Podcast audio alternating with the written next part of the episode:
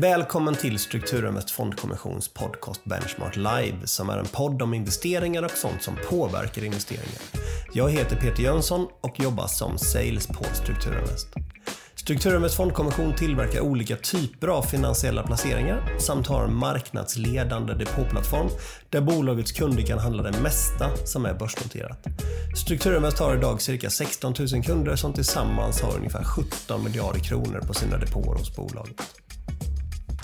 Så välkomna till Benchmark Live avsnitt 11. Eh, det finns många olika typer av aktiefonder och en del är specialiserade på vissa geografiska regioner.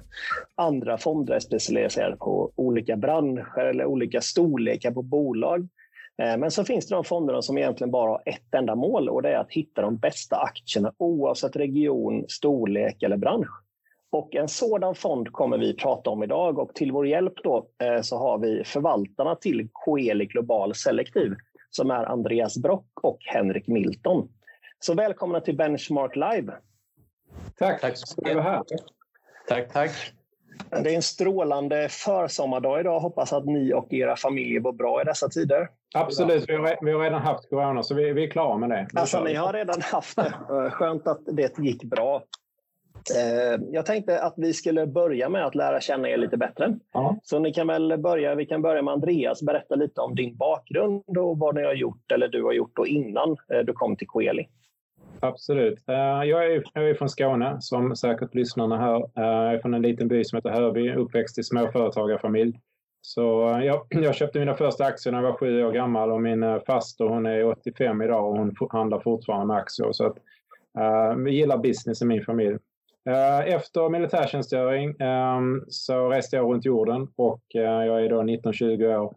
Eh, jag kommer till New York och inser då att världen är en stor, det är en stor värld. Den är betydligt större än Hörby där jag kommer från. Och en riktig ögonöppnare. Så jag gör en tioårsplan hur går jag från eh, där jag kommer ifrån till, till Wall Street uh, eller liksom finansvärlden om vi säger så. Jag visste ju inte så där jättemycket utan jag, jag läste heltid ekonomi vid universitetet eh, och, jag läste också mandarin, kinesiska. Uh, så jag läste dubbel hastighet, kom in på ABB vilket var då min dröm och kom in på samma företag som per, den berömda Percy Barnevik. Jag gjorde fyra år på ABB, var framförallt i Kina och sysslade med företagsförvärv där. Otroligt lärorika år. Och efter det så i min del av min tioårsplan då så gjorde jag en MBA i London och sen så då in inom investeringsindustrin. Så jag har sysslat med investeringar sedan, eh, alltså på, på, på börsen då i olika former då eh, sedan 2007.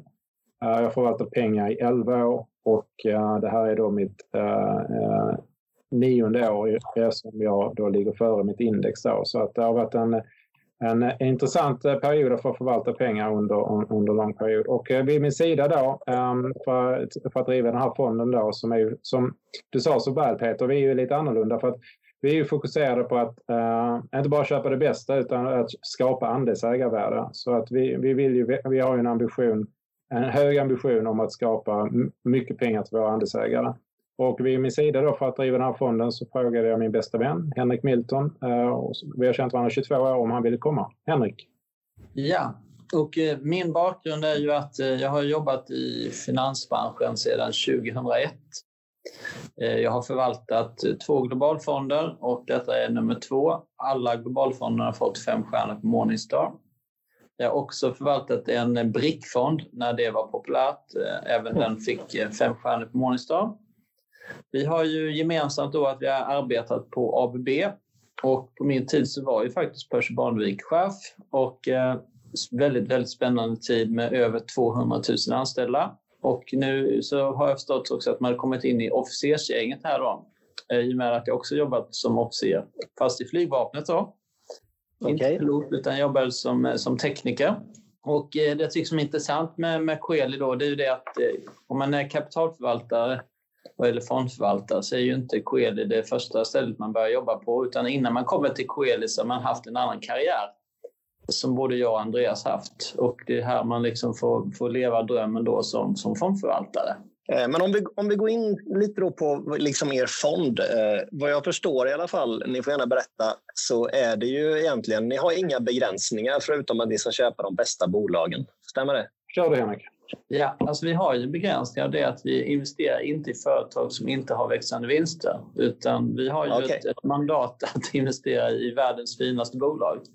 Och då är det ju minst 10 miljarder i market cap innan vi kan börja titta på dem. Och sen ska vinsten växa 15% per annum, alltså per år, om det är en Champions. Och vi investerar inte i vapen, tobak, olja och gas, spel och eh, inte Ryssland så länge Vladimir Putin är president.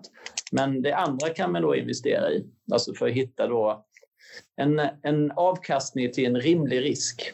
Så att, ja, fyll på Andreas. Och så delar vi in de här företagen i, i olika trender. Man vill ju ha då liksom en diversifierad portfölj. Vi vill inte vara 100% tech eller 100% fastigheter och så vidare. Utan man vill ju ha en diversifierad portfölj. Eh, vill man liksom se exakt hur vi, hur vi investerar kan man gå in på vår hemsida koeli.se global och då kan man ladda ner hela, hela vår innehavslista. Men, men trender som vi gillar är till exempel kosmetik och skönhet. Uh, L'Oreal, Estée Lauder, alla de här krämerna som både män och kvinnor använder. Det är en fantastiskt stark trend. Vi gillar fastigheter, vi gillar fastigheter i Tyskland. Uh, vi gillar industriföretag, men vi gillar lite mindre nischade.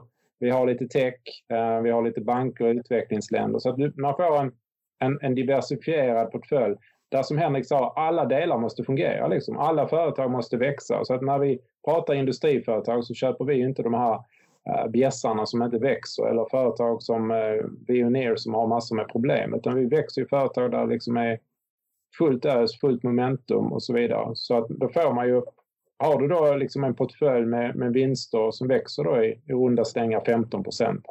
Inte exakt alla företag växer 15 procent hela tiden, men i snitt gör de det över tid. Det är den målsättning vi har. Och har man en sån portfölj så blir det ett himla fart i, i eh, andelsägarvärdet uppåt. Mm, det kan jag tänka mig. Men så, så inga småbolag egentligen med tanke på att det är över 10 miljarder. Det är egentligen enda begränsningen ni har och plus de här PRI-begränsningarna. Det, det, stämmer, det, det, stämmer bra. Vi, gillar, vi, vi vill inte ha för mycket småbolag uh, för att det, det, är svårt. Vi förvaltar nästan över 5 miljarder så att det är svårt för oss ja, att gå in i. Sen tycker jag också det blir, blir ofta, om man tänker på ett företags utvecklingsfas, så, så har du i inledning av ett företag, jag menar 9 av 10 företag som startas går i konkurs. Låt oss börja med det.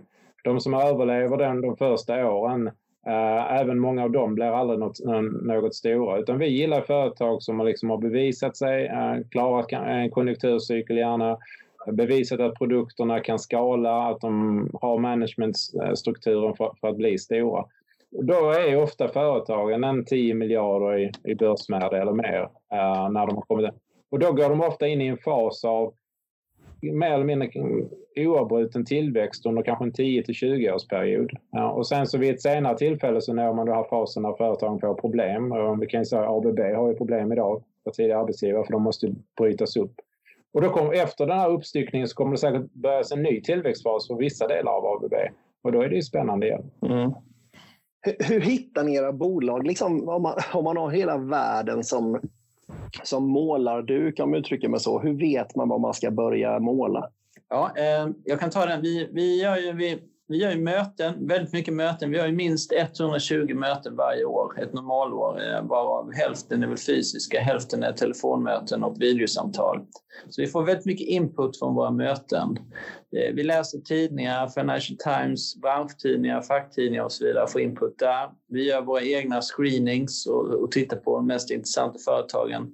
Vi åker på industrikonferenser, Ehm, och, är runt mycket och lyssnar och, är, och även på aktiekonferenser. Så det handlar liksom om att skapa, skapa en mängd olika idéer.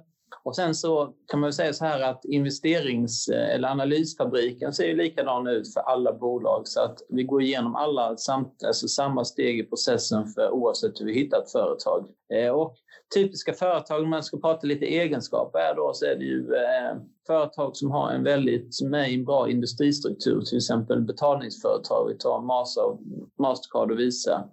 Eh, de ska ha en väldigt stark affärsmodell eh, som de styr över och att de även då kan höja priserna, att det är de som är kungen över prissättningen. Eh, alternativet är ju att vara ett oljebolag där det är någon annan eh, som styr, eh, mm, just det. Som styr oljepriset. Ägarskapet är jätteviktigt. Vi vill ju att, äg, att vd ska äga en stor del, gärna ordförande ska äga också. Va? Stora huvudägare gillar vi. Det ska vara bra kvalitet på ägandet eller det ska vara bra kvalitet på management och till exempel investerar man i en indisk bank så är ju management quality det är A och O.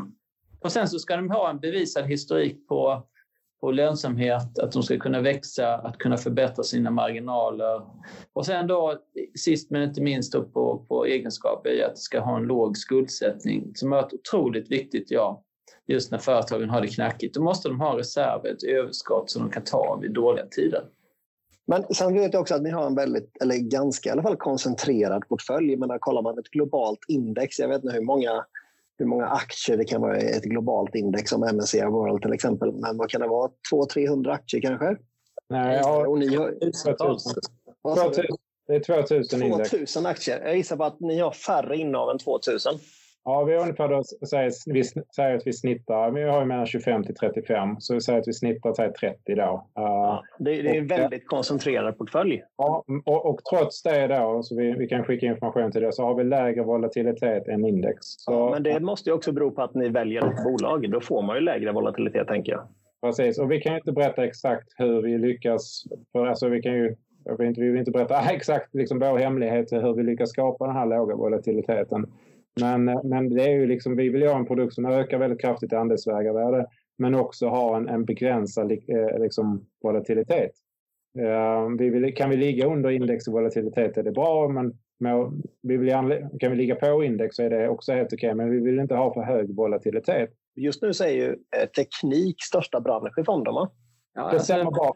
Ja, alltså det beror på vilken klassificering du använder, men det, det är en stor del. Men det är, det är ju, många av våra teknikföretag har ju liksom en annan uh, vinkel. Henrik, du kan utveckla det.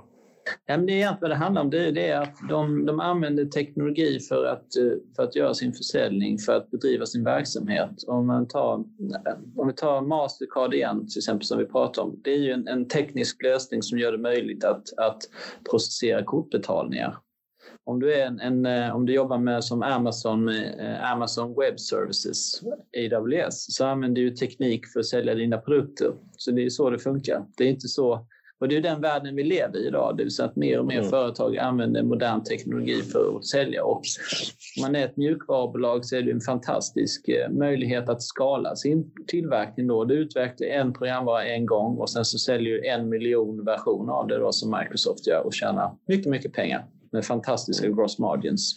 För några månader sedan så kom ju den här eh, coronapandemin till, eh, till världen egentligen. Har ni förändrat er portfölj någonting sedan dess? Alltså, eh, är den, kommer pandemin förändra framtiden på något sätt som ni ser det?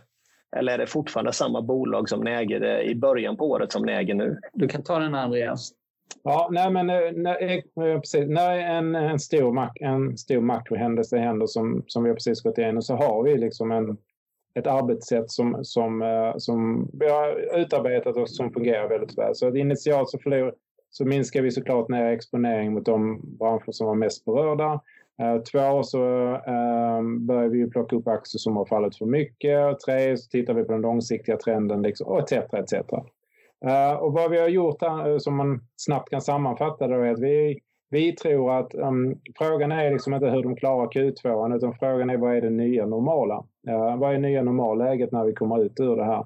Och vi tror att olja och gas, uh, flygbolag, lastbilar, bilar, allt det där cykliska och råvaror kommer ha det jättetufft under ganska lång tid. Och därför har vi minskat ner på, på den delen och köpt andra, andra sektorer, andra aktier Henrik nämnde Amazon, eh, en aktie som vi den följer väldigt mycket den också och vi plockade upp den då som en, vad vi kallar för en special situation, det vill säga en, en, en bra företag men vi vill inte äga det uh, resten av vårt liv. Uh, och där har vi nu lyckats göra en 30-35 procent uh, på ganska kort tid. vi, och vi, vi, har också köpt ett företag som sysslar med läkemedel mot djur, hundar, katter, hästar och så vidare och också mer strukturella Alltså att vi, sen har vi också köpt några värdebolag. Om man, säger, om man då med värdebolag menar alltså företag som handlas under bokfört värde. Och eh, där håller vi precis idag på att handla klart uh, i en aktie vi har köpt nä, nästan en hel vecka. Där. Uh, och, um, så att det, man kan, vi passar ju då på såklart också. I det här kan man köpa en, en aktie som har fallit med nästan 50-60 procent. Uh, och egentligen så är det inte så mycket fel på den. trots corona så kan man ju göra väldigt mycket pengar. Så vi har gjort rätt mycket portföljförändringar och med det kanske vad kan vi ha flyttat runt 10-15 procent av fonden liksom, har vi positionerat mm. och lyckats tjäna, tjäna pengar på det. Ja. Ja, men grymt. Jag tackar så jättemycket Henrik och Andreas för den här timmen jag har fått med er och eh, önskar er en fortsatt trevlig dag. Det är vi som tackar. Tack så mycket. Tack så Tack så mycket. Det du hört i denna podcast ska inte ses som rådgivning rörande finansiella placeringar eller investeringar, bokförings-, skatte eller juridiska frågor. Du ska inte basera dina investeringsbeslut på det som framkommit i podcasten. Kontakta alltid din rådgivare för att bedöma om en placering eller investering är lämplig för dig.